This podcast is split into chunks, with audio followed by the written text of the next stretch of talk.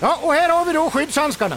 Varför finns det så många modeller att välja mellan? Ja, du vet, Tegera Pro ska ju passa exakt för varje jobb och därför finns det så många olika. Och glöm inte att rätt skyddshandske gör halva jobbet. Okej, då tar jag två. Tegera Pro, skyddshandskar för yrkesproffs. Just nu får du extra hjälp att välja i butik. Vi har kommit till det 24 avsnittet och eh, vi sitter mitt emot varandra just nu. Och eh, vad tänker du på när jag säger nummer 24? Ja, två favoritspelare som jag mötte. Niklas Andersson, kommer ihåg den kedjan med Kallio, Jonas Jonsson, Niklas Andersson och Niklas Sundström i Modo. Ja, och det finns ju en klassisk kedja som Conny Strömberg var involverad i med Henrik Lövdahl och eh, Johan Sjödell Wiklander. Och sen har vi en riktig klassiker som fick sin tröja hissad här för inte allt för länge sedan. Kristoffer Näslund i BIK Karlskoga. Världens, världens bästa jobb. Ja, exakt. Eh, nu är han assisterande tränare i Frölunda. Eh, och jag har eh, en av favoritspelare som jag spelade med, Jonas Frögga Frögren. Vi hade ofta, när vi spelade tillsammans, både i landslag och i Färjestad, så hade vi en tacklingstävling i match. Så vi hade då, eh, inför matcherna så sa vi, okej okay, kör vi idag, tittar vi på varandra, tacklingstävling. Så den som hade tacklat mest den matchen, den blev bjuden på öl av den andra. Och ibland kunde Leffe Karlsson då, som var assisterande tränare, säga, Sann nu Frögga, det är okej okay om ni tar en tvåa första bytet. Då visste man, då var det bara att åka. det var där huvudjägare Lindström kom ifrån. Det var där, exakt. Eh, men eh, en som kanske inte var en huvudjägare var ju Johan Brummer, eh, gamla vikespelare. Det är nog inte så många som kommer ihåg honom från 90-talet. Jag gör det, faktiskt. Johan Brummer, det är ett skönt namn faktiskt. Det är ingen De Souza, men det är ett skönt namn ändå. Ja, det är stjärnara över det. Jag får säga en 24 till. Cam Abbott. Jag äger faktiskt hans tröja nummer 24 från Luleå-tiden. Oj! Ja, det... Hur då? Ja, jag fick den faktiskt när jag var uppe i Luleå och sa, sa till någon där uppe att uh, jag äger faktiskt ingen Luleå-tröja i min samling. Och då uh, fick jag komma in på ett kontor där, fick jag välja lite vad jag ville och det fanns lite guldklimpar där inne och så tog jag Cam Abbotts 24 där faktiskt. Då hade du kunnat ta Johan Harrius 24, något år senare kanske. Eller Micke Lind, han var spelade med i Timrå, också en fin 24. Men eh, slutligen en 24 som vi inte ska glömma är ju Brendan Shinnimin. Jag skrattade som tusan när jag var i Örebro häromdagen faktiskt. Malmö möter Örebro i Örebro och det står en knatte på isen och intervjuas. Och det brukar ju en fråga vara, ja, vem, vem är din favoritspelare? Bro, Bromé eller liksom, det är, det är, det är någon Örebro-spelare. ja, och då river den här lilla knatten av. Min favoritspelare det är Brendan Shinnimin.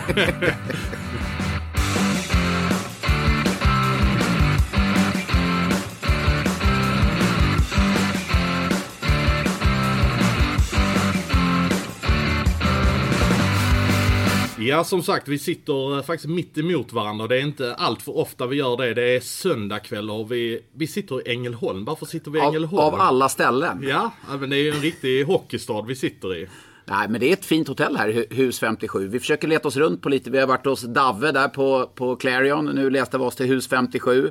Jag är i, eh, i Ängelholm för jag ska göra ett reportage med Cody Curran. Som eh, vi båda hade väl, när jag gjorde en lista här nyligen i Expressen, hade vi båda var som seriens bästa spelare. Absolut. Det vore väl kanske lite hål i huvudet att inte ha det med tanke på hur han har spelat i år. Nej, äh, det, det är lika mycket hål i huvudet att inte ha honom på listan som det var på Malmö som eh, ratade honom när de var i Norge. ja, nej, det där, det där. Nej, men jag ska i alla fall träffa Cody Curran här måndag och göra reportage med honom lite om hans spel. Så det är jag väldigt laddad för. Och då tänkte vi, vi kan ändå samåka. Jag åker från Karlstad tåg till Göteborg. Och du var ju i Göteborg den här söndagen, vilket passade mig bra.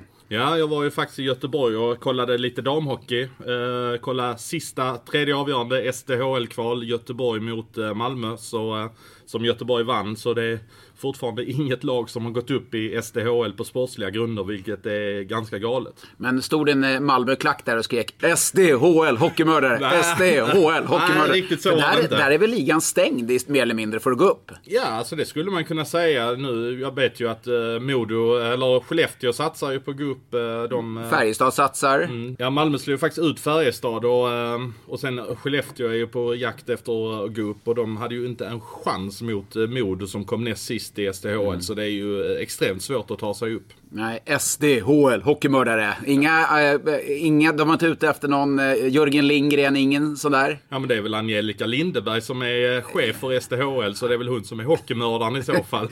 Nej, men skämt åsido där, det är ju lite komplicerat det där. För lag satsar ju underifrån. Det finns ju ändå klubbar. Eh, Frölunda är väl också lite på gång. Ja, de, Eh, de är på gång. Graus var ju faktiskt på plats ute i Angered idag och kollade matchen. Så, eh, Backslick. Jajamän. Ja. Han har nog det bästa backslicket av alla. Det kan man lugnt säga. Nej men alltså han är ju genuint hockeyintresserad Graus. Det, är- så han var ju där ute och surrade med folk och sådär. Det, det verkar väldigt genuint när han var där tycker jag. Men det var Malmö vann ju då i lördags, match två. Och var man chanslös då, handen på hjärtat, Ja, jo, oh ja, oh ja, oh ja. Eh, första perioden OK, men Göteborg tog över ganska tidigt och sen Mm. var, det, var det inte ens nära. Nej men det är ju, svensk damhockey det är ju just alltså få in, dels det har ju pratats jättemycket om mer svenska spelare och det, det går ju ganska snabbt ner i systemet så blir det ju väldigt eh, spretigt och jag har varit och kollat på Färjestads damhockeymatcher, de har ingen motstånd i sin serie. De, de, de går igenom den i stort sett obesegrade år efter år. Men ändå har, är man chanslös när det kommer till kval. Ja, men det är väl lite det som folk gnäller på inom eh, herrhockeyn. Att man att när man vinner en serie så ska man få lov att gå upp. Men eh, damhockeyn är ju faktiskt snäppet värre där. För där eh, går de rent i de här division 1-serierna. Det finns ju fyra stycken. Eh, de går ju mer eller mindre rent de flesta klubbarna. Och sen så eh, åker man ut på två matcher i, eh, i kvalet och så är säsongen över och så får du börja om igen. Men nu när jag ändå har dig mitt emot mig. Det här är alltså sista året vi har då i SHL Hockeyallsvenskan, de går till herrhockeyn. Sista året vi har kvalen mellan lagen. Gå igång lite nu. Det här är någonting som, det här gillar inte du. Nej, nej, nej, nej. Alltså från början tyckte jag ju förslaget lät jättebra men ju mer man funderade på det så... Äh, men det, där, där har vi ju ältat så många gånger känns det som att det... Men är det inte nu man sitter så här, oj tänk Leksand, får de eh, Björklöven, är det Modo som kommer att få möta Oskarshamn, Timrå? Du vet, man sitter och spekulerar, det är ju halva, det är, hälften, det, är ju halva glädjen. Ja, det är klart att det är någonting man längtar jättemycket efter. Jag ser fram emot det eh, mer än slutspelet nästan varje år känns det som. Och man har nog inte riktigt insett att om, ett, eh, om nästa år så, så är det ju då är det ju Oskarshamn och Leksand som ska mötas i det här läget om vilket lag som åker Mm. ut. Och Modo och Björklöven och Timrå och Västerås och alla de här, de ska Mm. in i ett slutspel. Vilket förvisso kan jag tycka är lite roligt. Men den här play-out-matchen går jag inte alls igång Nej den, eh, nej, den känns ju väldigt... Visserligen jättemycket att förlora, men det är inte så att Oskarshamn-Leksand, om man ska ta det, de matcherna, det är bästa av sju. Det, det känns ju väldigt... Nej, det har ju bara någonting att förlora. Lite så är det ju. Men du, när vi ändå sitter och pratar lite om det där. Vilka blir det nu då? Modo, Timrå, Björklöven är klara, det vet vi. Ja, Björklöven är klara. De har vunnit serien. Så de Ja. har ju hemmafördel i det här och det kommer att bli viktigt. Men samtidigt, Björklöven känns det som de har slagit av lite grann också. Det är ganska naturligt man gör Så, det. så blir det ju såklart. De, Torsk hemma mot Södertälje, torsk borta mot eh, Västervik efter att seriesegern var helt klar. Men eh, de ska ju ändå, de ska hitta Mm. något stäm här nu mot slutet av serien. Men eh, Timrå var vi ju eh, målskillnaden, eh, tre poäng bakom målskillnad och sen går man och daskar upp Almtuna med, vad var det, 11-1 och då, då försvann ju den här målskillnaden för Modos fördel. Ja, ja, visst var det så. Så det känns ju som eh, vidöppet. Men det är mest intressant i alla fall, tycker jag tycker i alla fall, poängkungarna.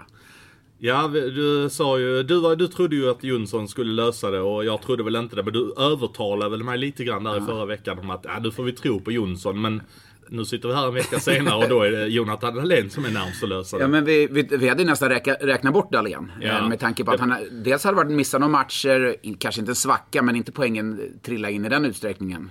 Nej, och eh, att han skulle göra fyra mål i sista perioden borta mot Almtuna, det kanske man inte kan räkna med heller.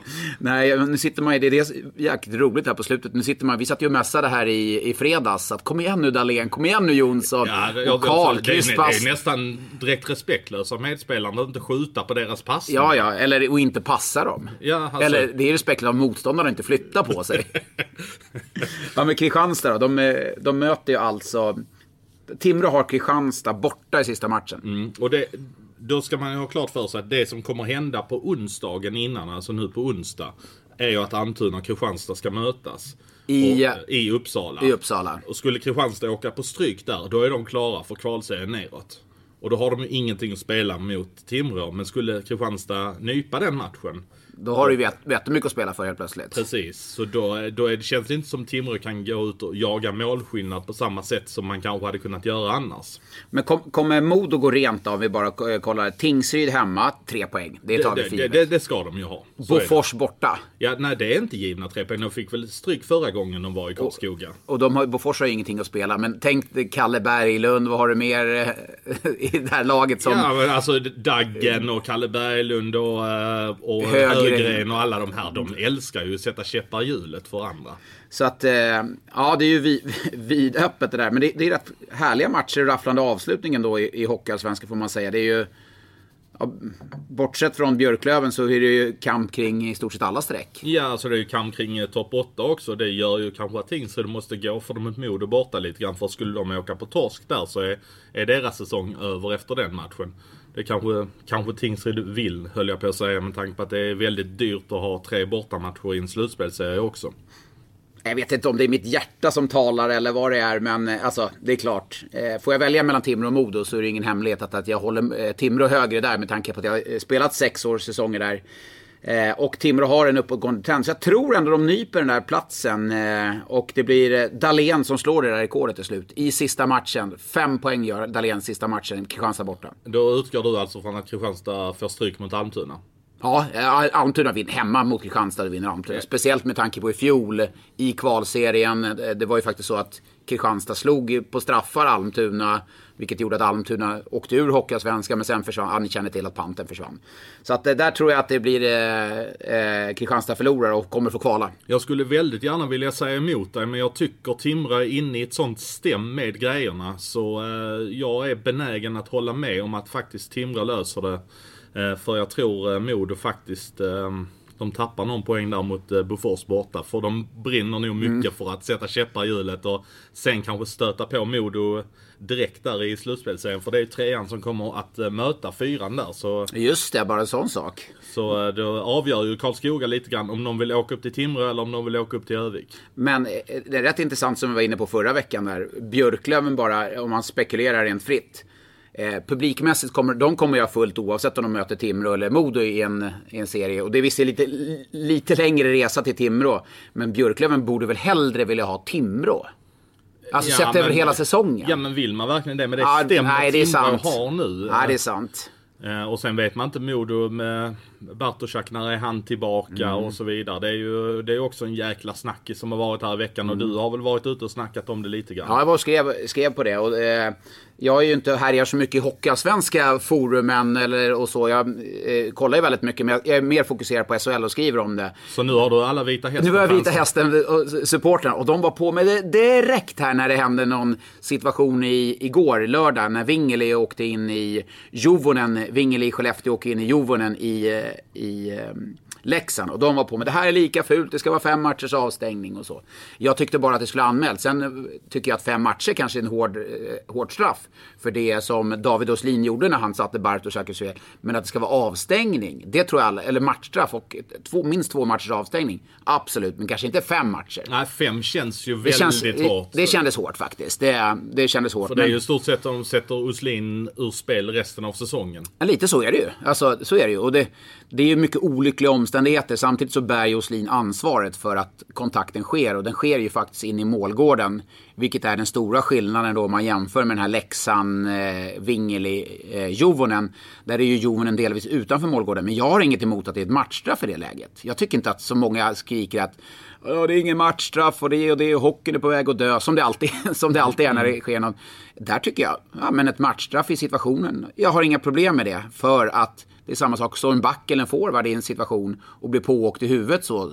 Eh, I, det, I liknande, då är det ju en huvudtackling. Sen, tycker, sen kanske inte en tackling i sig, men det ska inte vara någon avstängning, vilket inte blev på Wingeli. Men eh, matchstraff, fine.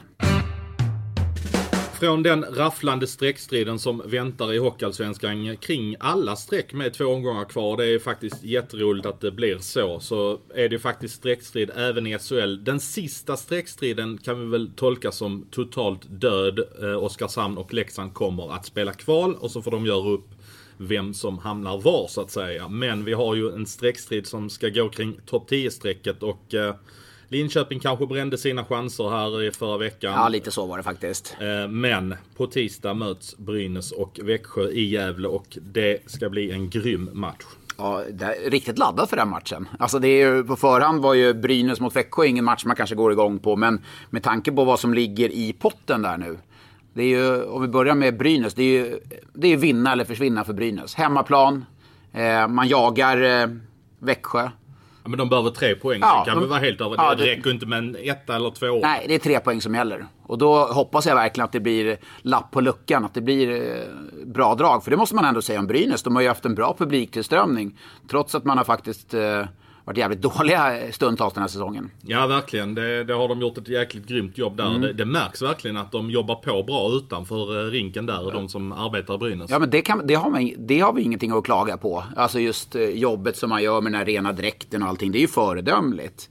Men det är just laget och det här naiva som han har satt ihop på isen som, eh, som finns väldigt mycket åsikter kring. Men det här är ju två lag som har gått klart sämre än vad de målade upp på förhand. Eh, De är ju missnöjda med säsongen båda två. Oavsett hur det här kommer gå. Ja. Så jag utgår ifrån att ja, något lag kommer klara det och något lag kommer inte klara det. Det laget som inte klarar det hamnar utanför slutspel. Mm. Och det kommer bli konsekvenser på ett eller annat sätt oavsett. För jag tror det laget som klarar det ryker säkert direkt till Ja, åttondel. jag tror inte man, man ska liksom inte... Eh, om man skulle krångla sig eh, förbi en åttondel och in i en kvartsfinal så tror jag inte man... Mm, liksom, man ska inte låta sig luras av det. Utan jag tror att det här är två lag som måste börja om och bygga nytt. Och för Brynäs del vet jag inte vilken gång i ordningen det är som man ska göra det. Och det, det viktigaste för dem det är ju att hitta alltså, en långsiktig lös, tränarlösning. Det är ju det är och det är det viktigaste beslutet som Brynäs har behövt ta på väldigt, väldigt länge. Ja, för nu har det blivit någonstans ASS-coachen som har tagit över det här Mm. nu. Är det tredje gången som det sker här sen Molin? eh, Ja, Sjödin först eh, när eh, Roger Melin fick sparken. Så var det Magnus Sundqvist när Tommy Sjödin fick sparken. Och nu var det Ove Melin när, När Sundqvist- Sundqvist fick sparken. Ja. Ja. det är kanske svårt att hänga med hela turer där. Nej men så är det ju. Så det som vi kan vara överens om är att det, det, det är en ny tränare utifrån som kommer att behövas. För vi tror inte att de fortsätter på det här assisterande tränarspåret. Nej, det vore ju helt fel med tanke på att Ove Molin var ju tydlig med oss eh, och eh, sa ju att han såg sig inte själv som en huvudtränare.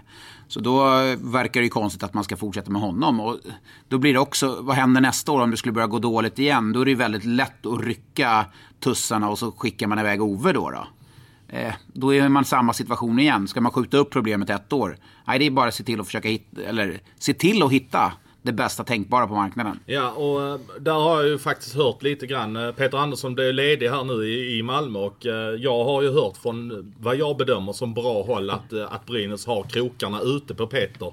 Jag har absolut inte hört att någonting är klart eller någonting i den stilen men Peter är en sån tränare som skulle kunna förändra en hel kultur i en förening. Ja, det är, jag skulle vilja säga, alltså när, när Björn Hellkvist som vi har varit inne på tidigare i den här podden, när, när hans namn florerade lite innan han gjort klart med Modo så, så var väl det det perfekta namnet. Och här känns ju Peter Andersson som, som just kan gå in och, och, och spränga på något sätt en kultur eller med, göra en riktningsförändring med, med, med Brynäs. Så det vore ju det perfekta namnet. Men hur skulle sådana spelare som typ Anton Rudin och Greg Scott och Emil Molin. Emil Molin har haft Peter i Malmö och har inte lyckats där.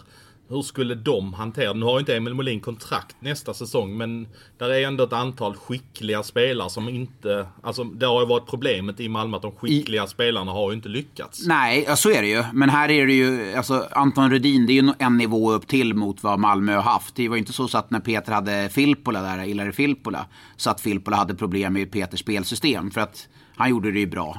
Så att en eh, spelare som Rudin eller Scott, jag menar de, ser du på det arbetsinsatsen de spelarna lägger ner i varje match så är det ju förstklassigt. Så det, det, det tror jag inte skulle bli något problem. Men det skulle vara ganska pikant situation med Emil Molin som har gått jävligt bra, för att tala kl- klarspråk, i Brynäs. Han har gjort 26 poäng sen han Ja, kom till helt Brynäs. sjukt ju. Alltså det är ju toppspelarnivå han har hållit här hela vägen sen han kom Ja. i slutet av oktober. Ja, men skulle han spela en hel säsong, då landar han upp på 45-50 poäng. Det är, det är topp i poängligan. Ja exakt. Och då är det ju så, ja, då är det klart att då gäller det för Peter och, och eh, Emil att hitta den kemin. För jag menar, de, de måste kunna samarbeta.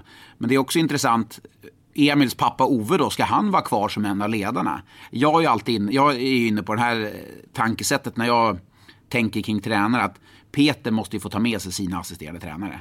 För annars blir det ju att Peter kommer in i en Brynäs-kultur. Och så här har vi gjort det i Brynäs. Peter är tillräckligt stark för att ändra det. Men han måste ju ha med sig sina för att göra mandat för att göra sina förändringar. Och då, då ska han få bygga ett helt tränarteam med, med två assisterande. En backtränare och en forwardstränare. Men hur lätt är det för honom att hitta lediga namn som han skulle trivas att jobba med så här års? Det tror jag inte skulle vara något problem. Vem, vem lyfter fram Martin Filander där som ett namn i, i Malmö eller Jesper Mattsson? Och det har ju funkat ja, jättebra. Mattsson var ju lite grann att han ah. kom med från, eh, från tidigare. Så ja, precis. Jo, men det, jo, precis. Men det finns ju, alltså Peter skulle ju kunna hitta sån, men bara ta ett, bara top of my head ett namn som Elias Lindholms eh, farsa där. Micke eh, Lindholm. Micke Lindholm. Ändå ett, en bry, bor i Gävle, Brynäs. Hockeymänniska, hockeykunnig. Peter känner väl förmodligen honom ganska bra. Spelar med Rasmus, hans son, spelar tillsammans med Elias. Det finns en connection där. Alltså, det är klart att han skulle kunna bygga ett bra ledarteam. Ja, du sitter och bygger ihop hela ledarteamet här. Nej men alltså det är så här måste man göra. Ska man göra en förändring då kan man inte bara ta in. Det var ju som när Färjestad skulle göra en förändring 2011 när jag var där. När man tog in Niklas Czernecki som tränare. Och då hade du Leif Karlsson, Jörgen Jönsson och Erik Granqvist kvar. Ja, men det, det, är ju dömt att misslyckas. Alltså, han hade ju inga mandat att göra någon förändring. För så, att, så här har vi gjort i Färjestad. Vi vann guld för några, tre månader sedan. Så här gjorde vi då. Ja men okej, gör så här då. Ja okej, men vi gjorde så här. Alltså det funkar inte så. Därför, måste, det, därför är jag inne på att gör man en förändring så måste man ta in sina tränare. Och det som kommer att bli viktigt också när det gäller Brynäs, hur de ska tänka med sin tränare, är ju faktiskt att tränaren som kommer kommer få påverka de få kontrakten som går ut. För Brynäs har inte jättemånga kontrakt som löper ut. Hur många har de? Det är åtta kontrakt och det är ju ändå ganska få kontrakt i sammanhanget. Ja, men det är ändå en, en, att man kan bygga om. Och sen finns det också möjlighet att bryta kontrakt med, med spelare som man inte är nöjd med. Eller som man inte, som man inte vill ha kvar. Eh, jag menar, jag ser ju inte en sån som Tommy Sallinen som direkt ovärderlig om en sån som Peter skulle komma in i, i Malmö, eller i, i Brynäs, ursäkta. Och, eh, så det är klart att det finns rum för förändringar. Men det kostar också pengar. Ja, och det, det är kostnaden man får ta. Det är en engångskostnad eller två. Det var i samma... För ska de göra en riktig riktningsförändring så måste de ju göra lite sådana beslut. Ja, vad gjorde Frölunda när Roger Rönnberg kom in? Tog bort Fredrik Sjöström, tog bort han Mikael Johansson. Det kostar pengar. Micke Johansson slutade spela hockey, Fredrik Sjöström slutade spela hockey. Det var inte så att de gick till någon annan liga eller ett annat lag, utan det var ju kostnader för dem. Det är ju som sagt åtta kontrakt som går ut. Vi kan ju ändå utgå från att till exempel Emil Molin borde ju vara en sån som, som Brynäs vill förlänga med tanke på att han har gått så bra. Ja, men självklart. Det är det ju. Men jag, jag tror inte att man kommer förlänga med några spelare förrän, eh, förrän det är en tränare på plats. Förrän man fått klart med en tränare. Så den tränaren kan vara med och peta i, i vilka spelare han vill ha kvar eller hur han vill bygga sitt lag. För att eh, det blir, som jag sa, sa, det här blir kanske det viktigaste beslutet som Brynäs har tagit i modern tid. Det låter kanske, men det, jag skulle vilja lägga det där faktiskt. De har ju, eh, de har ju bränt första året på tioårsplanen så nu ska de ta fyra guld på de nio närmsta åren. Ja, och topp sex skulle de vara i år och de skulle gå till kvartsfinal också. Så det, men det är höga målsättningar och samtidigt som lite galenskap så är det skönt att det, den tränaren som kommer in där kommer få förutsättningar. Det är ändå en en bra ekonomi, en sund ekonomi, publiktillströmning som går i rätt riktning. Skulle de få snurr på det där och, och spela en lite mer poäng och ligga på den övre halvan så skulle publiken tycka det var ännu roligare att gå och kanske få samma utveckling som, som Färjestad haft på publiken till exempel. Men det det laget som de krigar med där kring strecket Växjö som, eh, som också står inför någon, jag vet inte vad man ska kalla det, någon form av förändringens vindar. Där är situationen precis tvärtom. Där finns det ju två ledare som ja, ingen är väl untouchable, men de är untouchable. Både Sam Hallam och Henrik Evertsson. Ja, så är det ju. Eh, efter de, de sitter ju ihop. Alltså, skulle, skulle Evertsson, eller skulle Sam eh, få lämna så skulle Evertsson lämna. Så, så, så kan vi väl eh, ganska krasst se det. Så där är det väl mer att man måste spränga det nuvarande lagbygget och bygga nytt. Ja men så är det faktiskt och där finns ju spelare som jag hör kommer med all sannolikhet att försvinna och det är ju två spelare som var lite bland de större värvningarna som laget gjorde inför säsongen. Jag hör ju att både Forsbacka Karlsson och eh, Marcus Davidsson är två spelare som, som kan hänga lite löst om man nu mm. gör en förändring. Ja, och Marcus Davidsson som, som ändå gjorde det bra i Djurgården i fjol. Eh, runt 25-27 poäng där. Hade man ju räknat med skulle göra 35 poäng i alla fall. Nu har han visserligen varit skadad där på slutet, men samma med Forsbacka Karlsson. Det är ju det är två värvningar som inte har slagit väl ut. Tim Eriksson är en likaså. Emil Pettersson var satt som extra forward här i, i, igår, i lördag, mot um, Örebro. Så att jag menar, det, det är ju värvningar som inte har varit bra. Och då, då måste man också ställa sig den kritiska frågan. Är det spelarna det är fel på?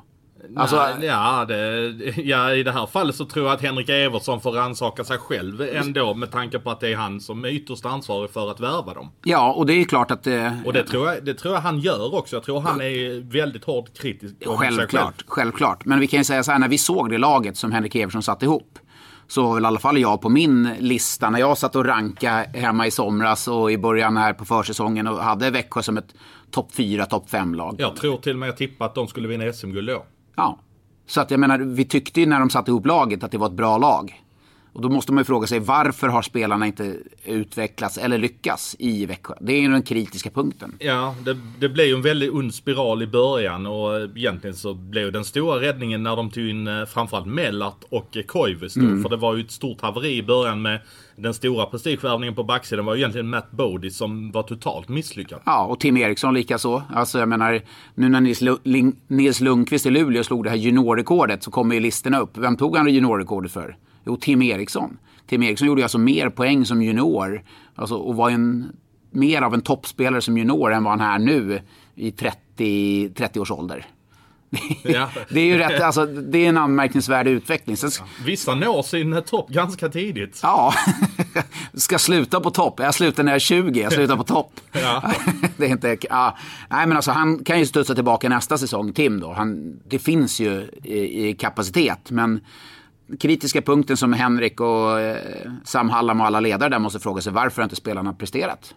Mm. Och det, det får de gå till botten med så fort säsongen är slut. Eller de är väl redan igång kanske? Ja, för att jag menar som jag var inne på där med Brynäs. Oavsett eh, om de kravlar sig förbi en eller kravlar sig till en åttondel eller till en kvartsfinal. Eller om man till och med skulle gå till semifinal så måste, får man inte låta sig luras av det.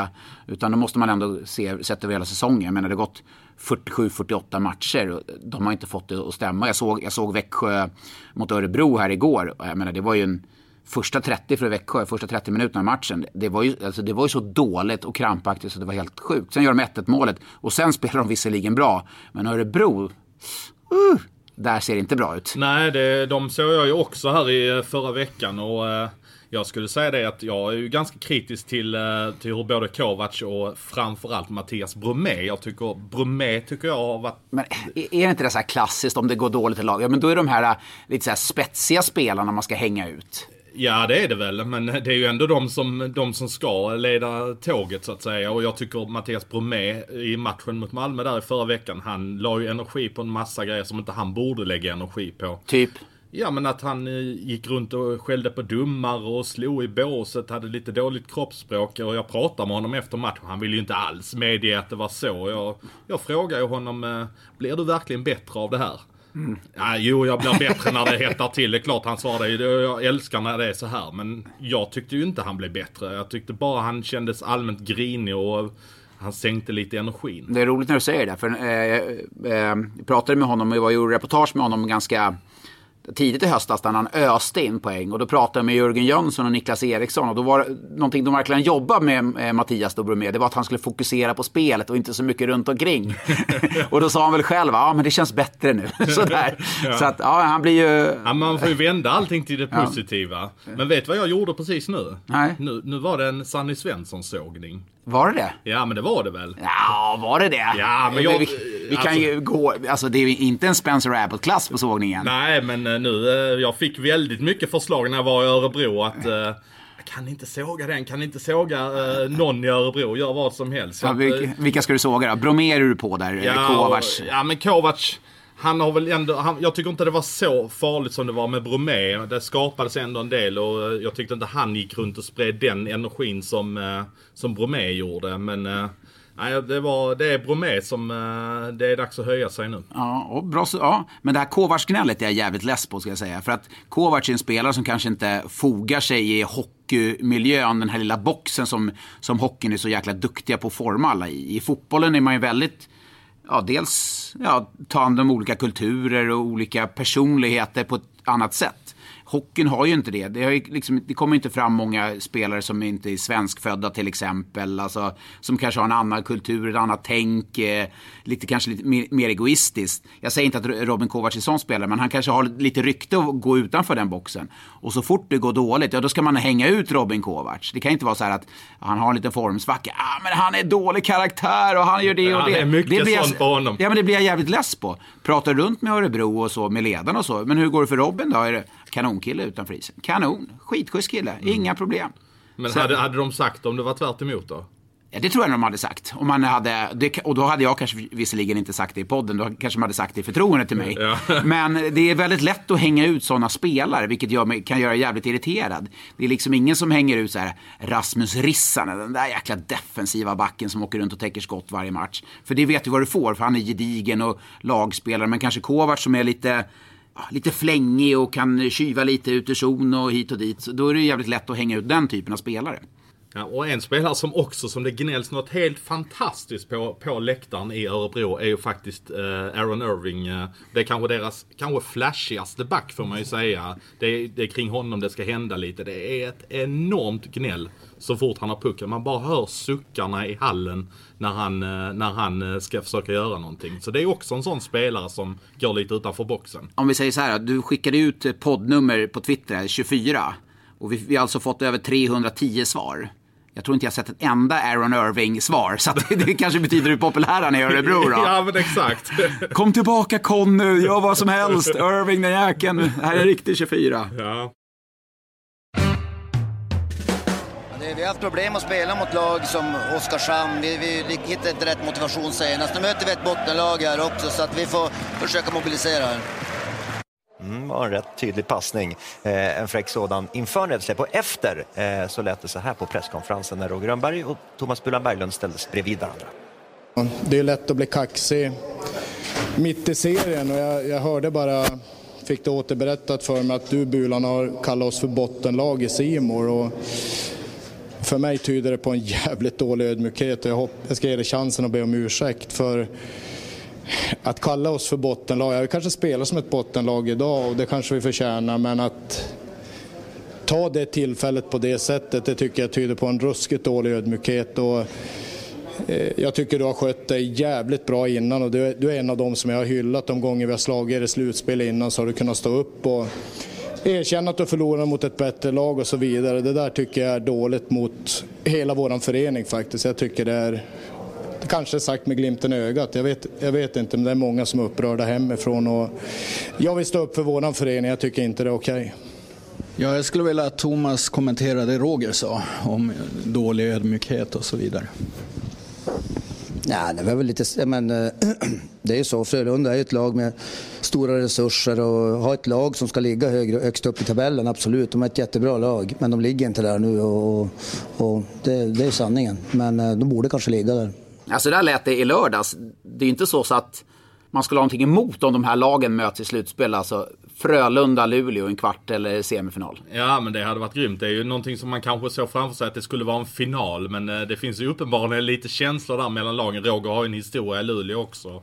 Så det är klart att det finns eh, lite känslor mellan lagen. Och ja, Bulan visste ju exakt eh, vad han gjorde där när han eh, trädde in den kniven. Ja, men det hade han gått att planera Bulan länge, va? Tror du inte det? Garanterat. Men jag ty- tycker inte att det sånt där är jävligt roligt. Jo men det är skitroligt. Och eh, de får ju exakt det svaret de vill ha. För Roger blir uppenbart irriterad på det. Men Roger och Frölunda, ett krafthus, powerhouse i svensk hockey. Hade de spelat bra eller så som de ska göra, tror du Roger hade brytt sig då? Definitivt inte.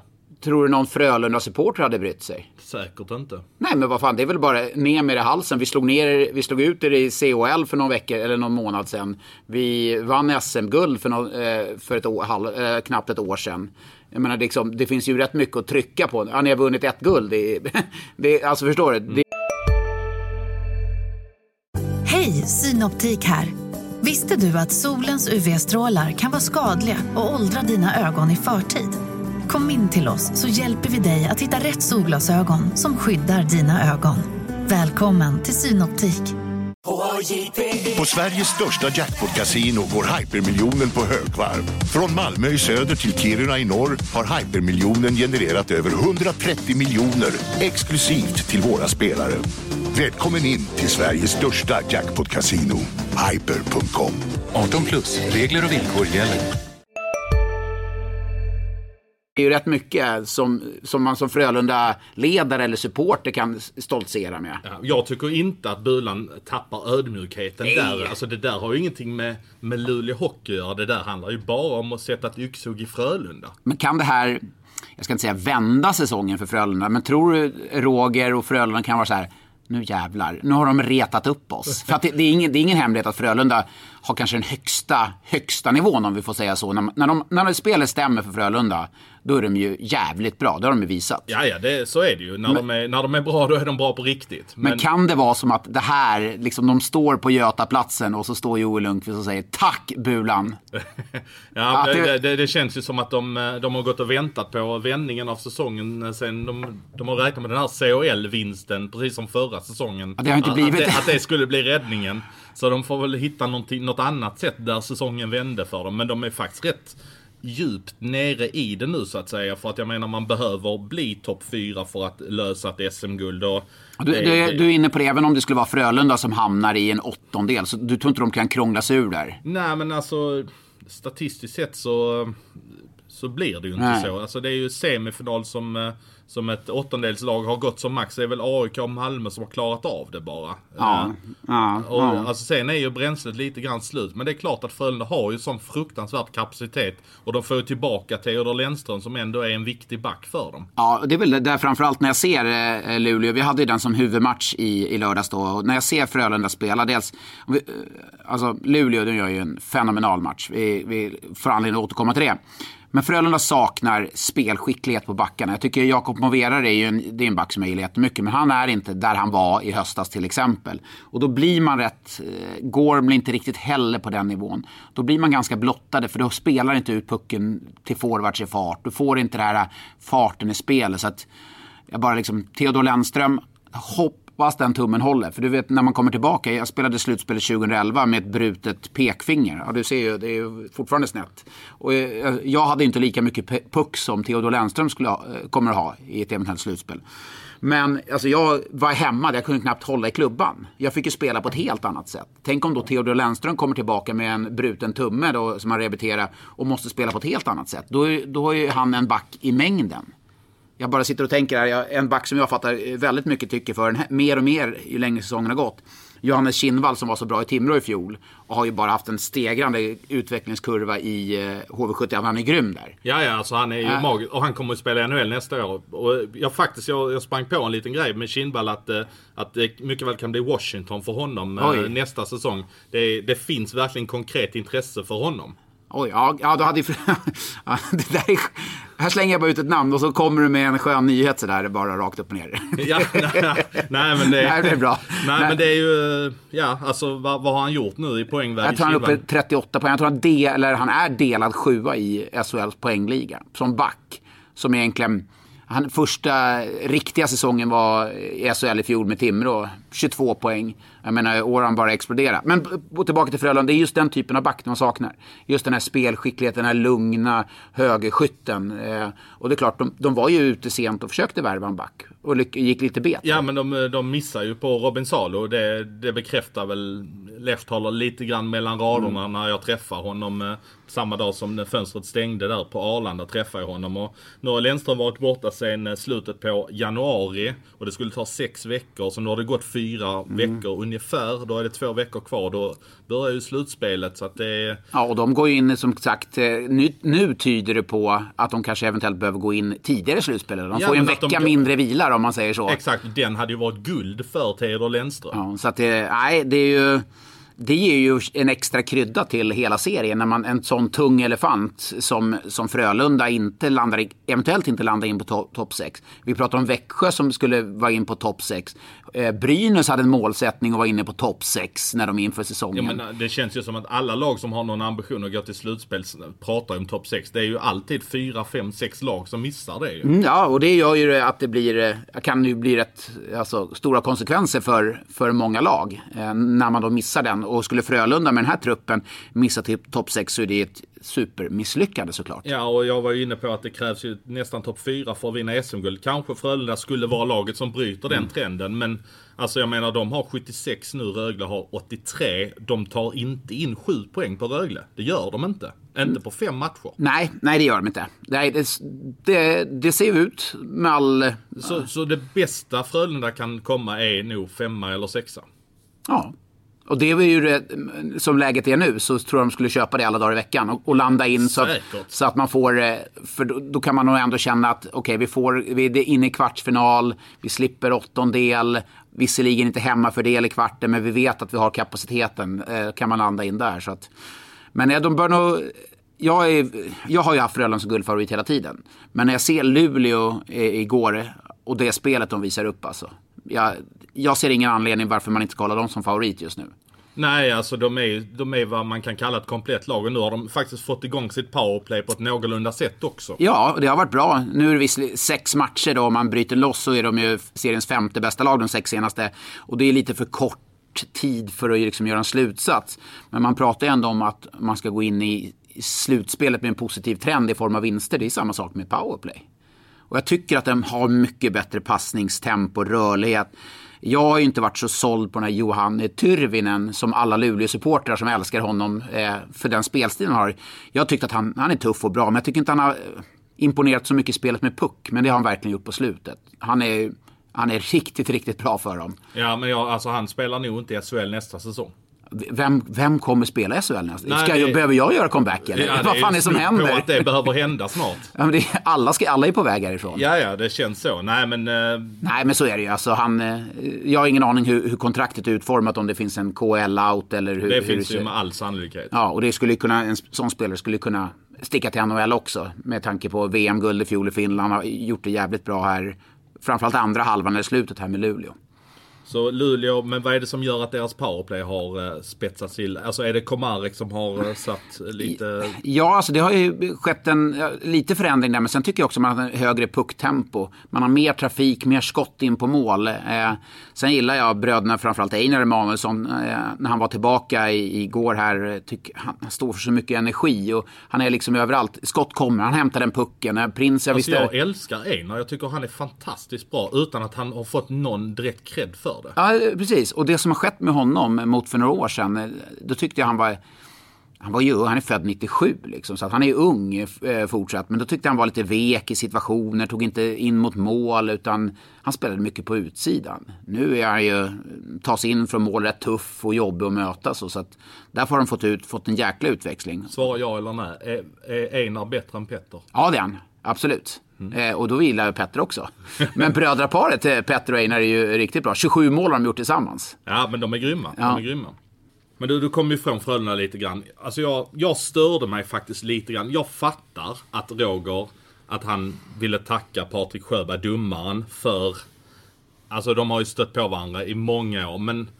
Jag tycker inte att det är snyggt att Roger kramar om Putte Sjöberg på isen efter att Frölunda faktiskt med fyra och en halv minut kvar har gjort ett mål när Joel Lundqvist har klubban rakt upp i ansiktet på en Linköpingsback.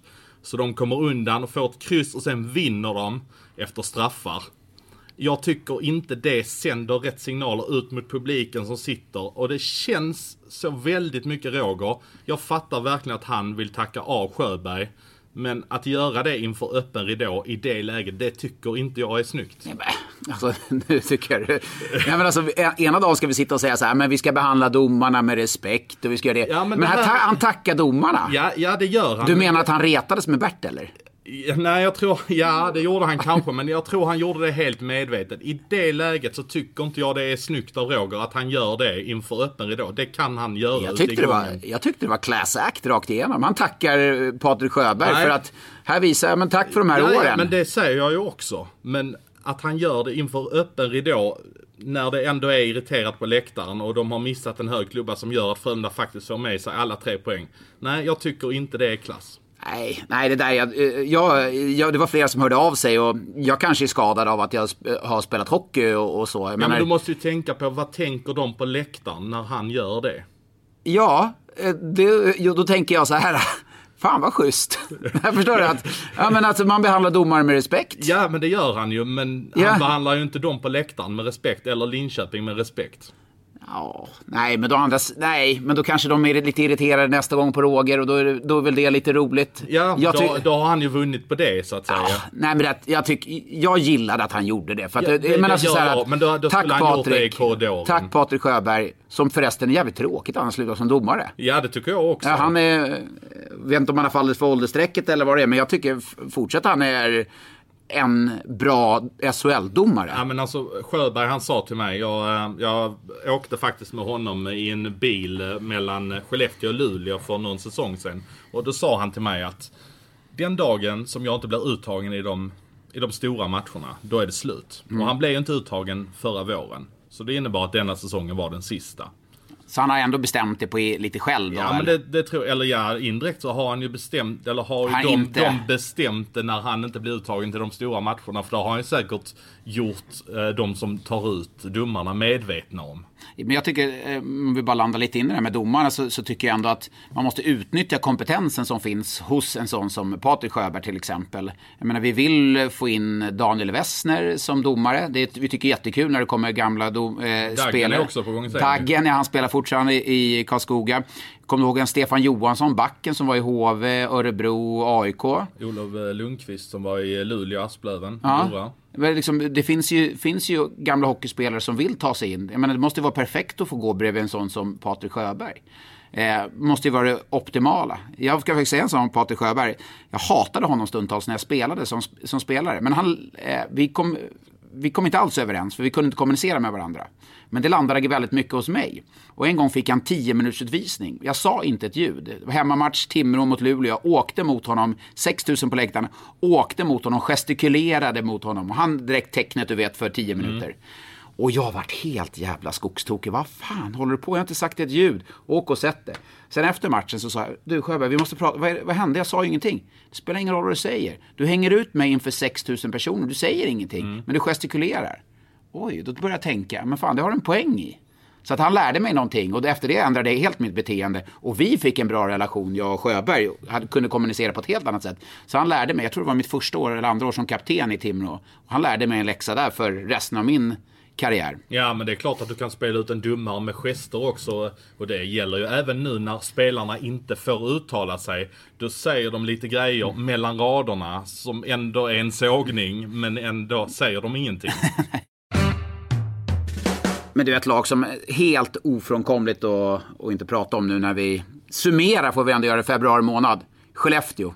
Ja, det- Alltså tio det- raka segrar. Alltså jag fattar inte hur det gick till för jag såg deras sista match i januari. Och då tyckte jag de var direkt undermåliga. Och Jag, jag minns att jag träffade Adam Savonen från, eh, från Norran där eh, nere i Mm. Malmö när de hade spelat och förlorat den matchen. Och Malmö var ju bättre liksom. Det var inget snack. Aldrig sett Skellefteå så dåliga i Malmö. Jag jämförde det när de torskade med 11-1 i Malmö i kvalserien 2005. Ja, var det då du hängde ut stackars Humlan? Ja, det var då han gjorde ett hattrick. Det var, då han, det var den matchen du inte fick gå på. Ja, exakt. Det var den han gjorde ett hattrick. Så var det. Ja. Men, men då, eh, då, då sa jag till Savni, ja men vi, vi ses väl här eh, framåt åttondelsfinalen så får vi se vilket lag som går vidare. Men nu är det ju nu är det ju så att Skellefteå de kommer ju spela en kvartsfinal direkt och eh, de kan ju mycket väl få möta ett åttondelslag i en kvart. Nej, det är ju, alltså jag såg inte den här utvecklingen komma. Men det har ju varit, man har satt ihop eh, Oskar Möller och Joakim Lindström igen. Lin, Joakim Lindström har alltså 15 målö, mållösa matcher. Sätter ihop dem, men det som är skillnad nu det är att man har fo- fortsatt fått produktion från andra. Wingeli, Alvarez. Alvar, oj oj oj. Alltså, jag menar, och Holm tycker jag har varit bra där. Och dessutom man är ett lag som har byggts om under säsongen. Man tappar kanske sin bästa spelare, sålde sin bästa spelare också gjorde man ju i, i Tom Pyatt. Ja, det gjorde de ja, just det. och ändå den här utvecklingen. det var ju Payet som... är det Pyatt-effekten? ja, ja, så någon positiv påverkan hade han ju kanske trots allt. Ja, det är, Forsell är ett geni. Vi tänker vi tar in det här råliket och så han, han får halka runt här i en halv säsong så sparkar vi ut honom. Kanske något soplag köper honom. Så köpte Rappers vill ha loss honom och så händer den utvecklingen. Ja, alltså för jag menar nu inför transferfönstret, de köpte Darren Nowick som, som har gjort det bra i Västervik. Men det är ändå Västervik som är ett mm, under mittenlag i Hockeyallsvenskan. Och Tony Kallela som har varit i Sverige, inte alls färgad av och har varit i ett jag fick faktiskt skit från en Vasa-supporter för att jag kallade Sport eh, Vasa för ett, eh, för ett skräplag. Va? Så, så jag, jag, ska faktiskt inte säga att de är ett skräplag. Utan de, jag, jag kallar dem ett botten. Men har det varit någon Sanny Svensson-effekt? Att Vasa har vunnit så här sju raka matcher sen? Det, det har det inte varit. Jag tror de är toksist i finska ligan. Ja, ju... Men uh, han gjorde mig faktiskt medveten om att uh, ni har faktiskt uh, lyssnare från Vasa. För Vasa är ju svenskspråkigt. Mm. Så vi ska aldrig kalla Sport Vasa för uh, något skräplag eller skitgäng. Då säger jag Kuinka Voit till, uh, till mina vänner i Vasa. Ja. Eh, får man googla vad det betyder då? Nej, det är inget, det är hej hur mår du? Eller vad gör du? Ja, okay. Jag spelade ju med, vi hade väl sju, åtta finnar i Timrå en säsong med Rico Hall och allting. Och de har, Rico Hall hade ju inget intresse av att lära sig svenska. Så då sa jag till Kalle Kosken, Rico Hall ska inte lära sig svenska, du får lära mig eh, finska istället. Men då brukar det vara de fula orden som eh, de ja, men my, ja, nej, men mycket hockeytermer. Så att eh, yxtole, det, det skrek man alltid på isen. Det betyder att det kommer en som pressar. Mm -hmm. Då en gång så kommer Rico, Rico Hall eh, ner och hämtar pucken. Vi möter Skellefteå borta. Då skrek, eh, då skrek jag Yxjäkorna Tole. Och det betyder då? En ismaskin kommer. han bara tittade på mig på bänken. Han bara, ja ja, börja prata svenska sa jag. så jag vet inte när han vände sig om. Jävlar, det kommer en ismaskin här. Jaha. Men eh, det är ju rekordtider också eh, i SHL. Marcus Nilsson satte rekord för eh, antal assist i Färjestad. Eh, Nils Lundqvist satte poängrekord för en juniorback. Och Djurgården tog sin trettonde raka hemmaseger och i lördags också igår den 14 raka hemmasegern vilket är nytt klubbrekord. Imponerande. Ja, det är grymt och det är bara att hoppas att Djurgården får hemmafördel här i slutspelet för det kan de ju behöva. ja, de eh, firade ju eh, väldigt eh, på ett fint sätt att vinna 13 raka hemmamatcher. Åker ner till Jönköping och torskar 7-1. Så det är verkligen heaven hell för Djurgården på bortaplan. De är alltså 23 matcher på bortaplan och man har sju segrar på de 23 matcherna. Alltså. Så det är klart, ta sig in i slutspel med den negativa trenden på bortaplan är tufft. Men hemmaplan är det ju Alltså de är väldigt starka. Nu gjorde man ingen supermatch mot Oskarshamn visserligen. Men man hittar ändå sätt att vinna. Det är jävligt imponerande. Man är ju säkert väldigt tryggad och kanske det som gjorde att även om de inte var hundra påkopplade den matchen så är det kanske man vinner för att man vet att man är så starka hemma. Mm, men det är också när man kommer in i ett, en positiv trend sådär. När man går ut. Jag minns den känslan som spelar när man kommer ut på hemmaplan. Alltså man vet att så här, fan vi vinner. Alltså så här, att Djurgården, ja men mot Brynäs där, Brynäs kvitterade och Djurgården direkt Bergfors gjorde 3-2.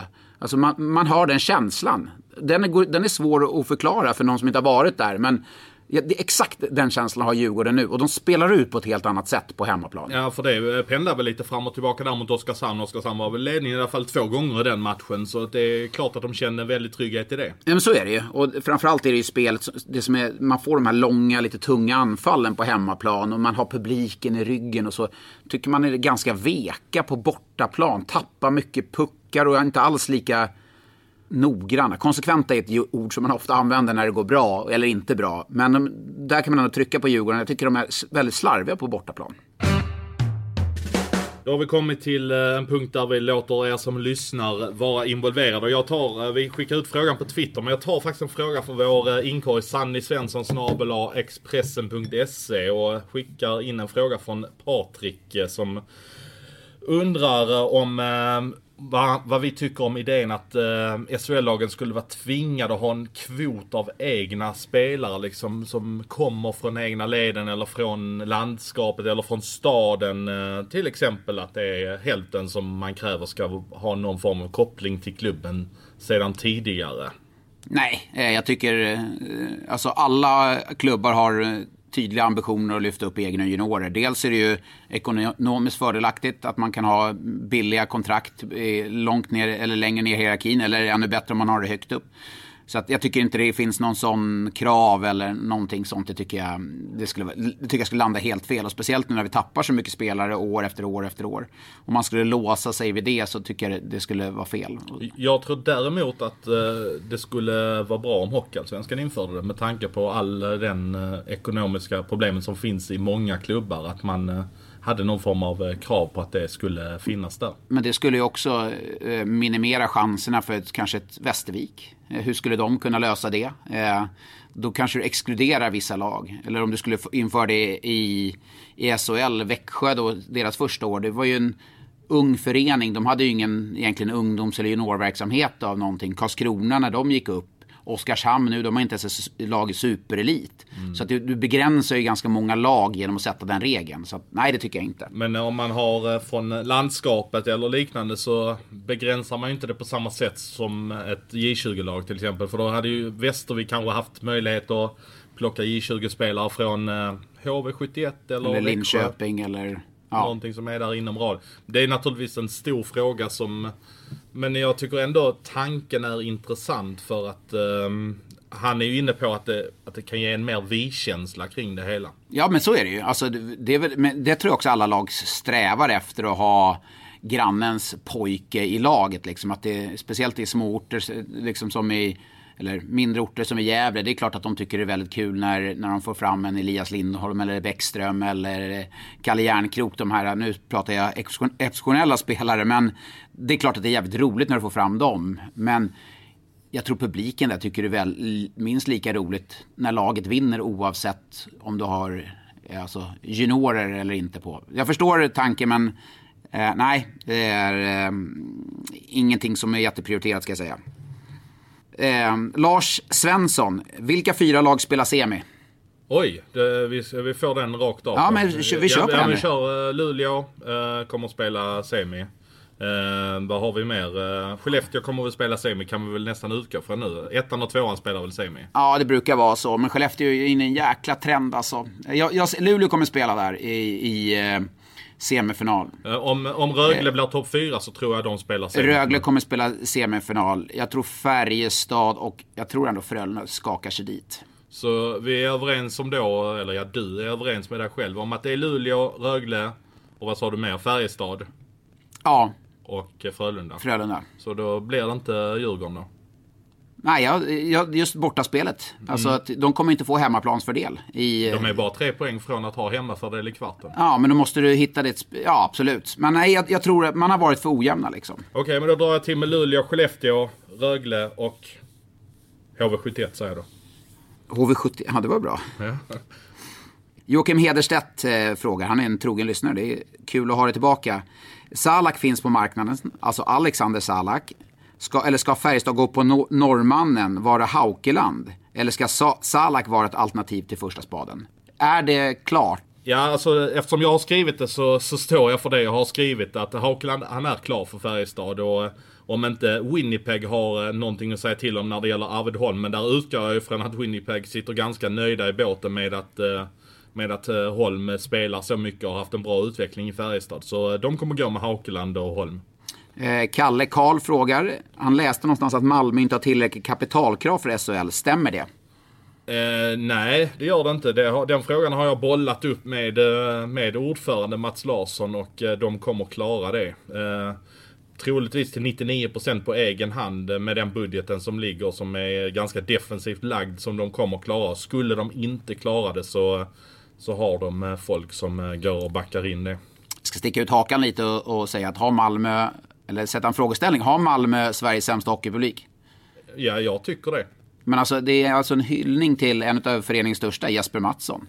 Och det är 7000... 7600 och det är under all kritik. Jag, jag var svingade lite i någon Facebookgrupp här med eh, supportrarna eh, där under veckan som gick innan matchen mm. och sa nu är det kanske dags att ni får steppa upp lite och eh, komma på hyllningen här. Mm. Jag fattar ju folk jobbar och folk har familj ja, men det är en lönehelg, det är en lördag. Ja, alltså, alltså... Är, det, är det någon match man ska gå på om man ska kalla sig supporter så är det väl ändå den typen av matcher när, alltså Mattsson har ändå spelat flest matcher i klubbens historia.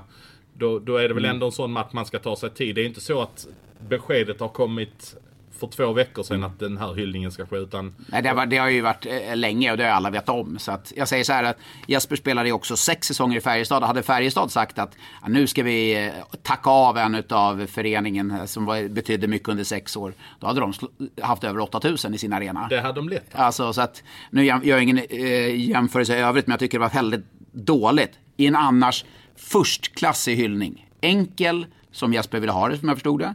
Jättefin, känslosam med tanke på vad familjen allt vad det gått igenom. Det var, nej, dubbel tumme upp. Det var nog tur för Jesper att han avslutade med att tacka familjen för det var då det... Det brast, ja. Det var då det brast ja. Men eh, jag är imponerad över hur eh, han eh, kom tillbaka och sen ställde sig i båset och faktiskt jobbade under matchen.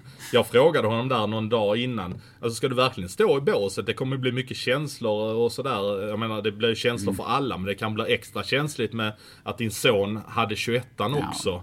Men ändå går han och ställer sig i båset och gör jobbet. Det, det Det är är väl- imponerande. Det har väl blivit lite hans frizon också som jag har förstått det. Att när han är där runt så kan han fokusera på något annat än liksom det här med Oliver och allting. Även om det alltid är med honom såklart. Ja. En fråga till som kommer från Magnus Lantz eh, som du kan svara på direkt. Har spelarna traktamenten när de reser? Nej, eh, klubben betalar allting eh, i form av mat eh, när man är ute och reser. När man spelade i AHL, eller NHL för den delen, men jag spelade i AL, vilket är farmarligan, då får man traktamente. Då står man för sin egen mat på resorna. Så då får man ett kuvert med, eh, med dollar så får man spendera det bäst man vill. Får man ett kuvert med cash? Cash. Ja, okej. ja, ja, absolut. Ja. Och det är ju, i NHL var det rätt mycket. Jag tror det var så här 46 dollar om dagen i AHL. Och det var ändå så här, det är rätt mycket. Lunch, du äter någon buffélunch. Du kunde gå plus på de resorna. Ja, det är klart du kan ju. Så man, då, då slipper de äta en sunkig köttgryta från ett Scandic-hotell då. Ja, ja nu, du är en, du är en Clarion-kille ju. Så att, Ja. tala inte ner eh, Scandics köttgryta ska jag säga dig. Men du, Edvard Berggren. Gör Skellefteå rätt i att förlänga med Tommy Samuelsson? Eh, Som läget ser ut så, så tycker jag ju att de gör rätt. Alltså jag menar Tommy har ju uppenbarligen gjort något rätt. Han har lotsat dem till en andra plats med fem omgångar kvar av serien. Och som jag var inne på förra veckan så har de ändå ställt en förfrågan till Johan Lundskog. Och de kan, det kanske, marknaden kanske ser ut så att nej, men vi får köra vidare ett år med Tommy. Och det kanske inte är så dumt att göra det. Men då måste, man kan inte köra vidare ett år, då måste man signa två år. Alltså Tommy, liksom, hej, vi, du får ett ettårskontrakt till. Vi Ja. skjuter på problemet Vi- ett vi skjuter på problemet, Nej, ja. då, får, då är det två år. Och det, då måste man ju ta det avgörande beslutet. Mm. Men tycker du det är rätt om de gör det då? Ja, det tycker jag med tanke på hur, hur laget ändå har utvecklats. Och framförallt ser man spelare för spelare och hur de har utvecklats under den här säsongen så tycker jag det är självklart. Eh, men bara ta en sån som Jonathan Pudas som är som jag tyckt varit bra tidigare. Han har ju gått till att vara en riktig toppback över hela isen, inte bara offensiv blå och framåt. Han har ju tagit jättesteg, vilket man kanske inte tänker på eh, den typen av spelare. Så att, eh, självklart tycker jag att han ska vara kvar. Eh, Bosse Hedman frågar. Eh, Jonathan Pudas är helt klar för en klubb i Schweiz. Det är ju ingen nyhet direkt säger han. Men vilken? Och Sanni, du som spelat i Schweiz. Blir man en sämre spelare efter några år i NLA? NLA känns sämre än SHL. Det är inte samma tempo. det Är sällan ett NLA-lag går långt i Champions Hockey League. Hockeyn är annorlunda i, i Schweiz. Eh, man blir definitivt ingen sämre spelare. Eh, kan, att tempot är kanske ibland till och med högre i den schweiziska ligan. Det är inte lika defensivt eh, strikt och så. Sen är det också att eh, Poda som kommer ner där, han, han kommer ju få vara en av fyra importer i sitt lag. Så han kommer få spela bortåt 25-30 minuter per match. Så att han kommer inte bli en sämre spelare på två, tre eller fyra år. Definitivt inte. Sen att lagen inte går långt i COL, det är, det är att de, de har inte riktigt, fjärde kedjan är inte till exempel lika bra. Första, andra, tredje delvis, fjärde är inte riktigt lika bra. De har inte samma bredd som svensk hockey har. En fråga till då, från Mm. eh, Gustav Göransson. Nikolaj Meyers utveckling här eh, sista tiden. Han har gjort poäng i tre raka matcher tror jag det är. Ehm, vad säger du som eh, ser Malmö lite grann från ett helikopterperspektiv om det? Eh, riktigt bra. Eh, jag säger inte att han har varit misshandlad på något sätt, men han har ju... Jo men, det, jo men det kan jag säga att han har varit misshandlad. Alltså, Okej. Han har varit in och ut i laget, så är det ju Ja, faktiskt. men det kan ju också finnas en anledning att han inte har presterat eller kämpat. Eller jag, jag ser inte laget lika frekvent som du gör. Men det jag har sett av honom på slutet, jag var nere och gjorde eh, HV mot Malmö för en dryg vecka sedan. Och då kom han in där och jag såg, fan det glödde, det hände någonting. Jag tyckte, Han borde spela mer. Eh, jag säger så här att eh, nu Peter försvinner nästa år. Det har vi pratat om. Ny tränare kommer in, vilket kommer bli Joakim Fagervall som du har sagt. Eh, han får en helt ny resa då, eh, Mayer. Jag säger att han kan göra 35 poäng nästa år. Alltså, det finns inte, jag tvivlar inte en sekund på att han kommer komma upp i den nivån. Så att det är ju, kommer nästan bli lite som ett nyförvärv för Malmö nästa säsong. För han ligger där och bara bubblar lite och det har inte varit någon...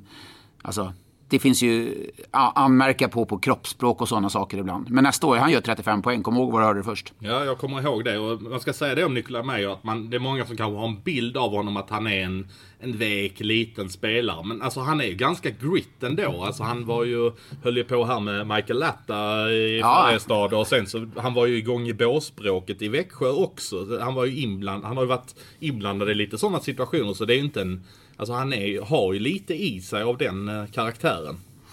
Ja, vi tar en avslutande fråga och den kommer faktiskt från mig själv. Eh, vad tycker du om eh, kaffet på det här hotellet om vi jämför med Clary? Jag tycker kaffet var grymt. Ja, det var jättebra här. Ja. Alltså, det kan vi rekommendera. Har ni vägarna förbi Ängelholm så in här på hus 57. Ja, men ingen Arraksboll. Nej, men det, kanske, det, det, behöver jag kanske inte nu heller. Det kanske var ett tecken. Att, Nej, du, kan, ju, du kan ju berätta att du har suttit och tryckt godis hela vägen från Göteborg. Ja, det stämmer. Jag åt inget godis i lördag så då får jag ta igen det idag istället. Då är det dags. Det är alltså så jämnt så du förslår. Det är lika, lika läge i Elite Prospect-spelaren. Ni vet vad som gäller. 5, 4, 3, 2 och 1 poäng. Vi börjar med 5 poäng. Är du redo Svensson? Jag är redo. Denna SHL-spelare har samma tröjnummer som året han är född. Han har gjort 20 poäng på 41 matcher den här säsongen. Han har alltså samma tröjnummer som året han är född. Um, ja, det är ju många av de här 80-talisterna och 90 framförallt 90-talisterna har ju en förkärlek för att, uh, för att ha sitt uh, årtal på tröjan. Mm. Nej, men jag... Uh, Nej, jag äh, vågar inte ta någonting där. Mm. Eh, fyra poäng. Säsongen 2012-2013 spelade han i den danska ligan innan han året efter värvades till Almtuna. Oj. Danska ligan och spela i Almtuna tyckte du sa innan vi körde igång det här att den här kan du nog ta. Ja, nu, ja, ja. Nu, nu, ska du, uh, jag jävlades ju faktiskt lite med dig förra veckan och tog en ganska svår där med Martin Karlsson. Så att uh, frågan är om det är en revansch här eller, eller, om det är uh, lite lättare ändå. Alltså 12, 13 och Almtuna alltså. Nej, inte danska. Nej, nej. nej. tre poäng. Eh, det var så många andra i Bofors det sedan tog fart säsongen 2014-2015. Och året efter värvades han till SHL. Ja, jag har, uh, har ett svar här så jag skriver ner det här. Ja. Två poäng. Du kanske hade sett fram emot att se denna spelare i veckan. Ja, tyvärr så var han dock magsjuk. Är du fortsatt nöjd? Ja, men jag är jättetrygg. Jespers brorsa Viktor vann skytteligan i SHL 2017-2018 och bombar nu in mål i Buffalo. Vem är det vi pratar om? Vi pratar om Jesper Olofsson i Färjestad med nummer 92 på tröjan. Ja, helt rätt. Alltså jag är jättemycket mellanmjölk i den här tävlingen. Alltså det är mycket treor ja. har tagit här. Jag, jag tänkte att här kanske du kan gå på, på femman. Antingen går man stenhårt på en femma där, 92. Men det är som du säger, det finns ju en del med just eh, årstal på tröjnumret. Men... Det är ett jävla skit det där. Du har höga tröjnummer. Nej, jag klarar inte. Jag klarar det, gör jag väl. Men eh, jag tycker det är Såg du förresten att du, tal om, du, du sågade Färjestad och Widerström som tog Kärkis tröja. Oskarshamns målvakt där, Rosengren, eller vad, han, han gick in och tog PVs tröja direkt. Ja, 53. 53 ja. Det, det, var inte snyggt. Nej, det är inte snyggt. Det, men ja, jag kan väl förstå att de har haft en jävels rullians och en målvaktströja kanske man inte... Det är väl femte, sjätte målvakten i ordningen som de använder så att det, de kanske inte kan ha allt för stort lager av tröjor. Ja, från eh, Ängelholm så tar vi och eh, avrundar där så uh, hörs vi igen om en vecka.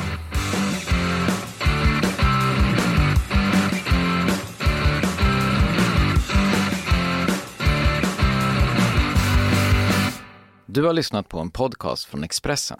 Ansvarig utgivare är Klas Granström. Upptäck hyllade XPeng G9 och P7 hos Bilia. Våra produktspecialister hjälper dig att hitta rätt modell för just dig. Boka din provkörning på bilia.se xpeng redan idag. Välkommen till Bilia, din specialist på X-peng. Just nu pågår vår stora season sale med fantastiska priser på möbler och inredning. Passa på att fynda till hemmets alla rum, inne som ute, senast den 6 maj. Gör dig redo för sommar.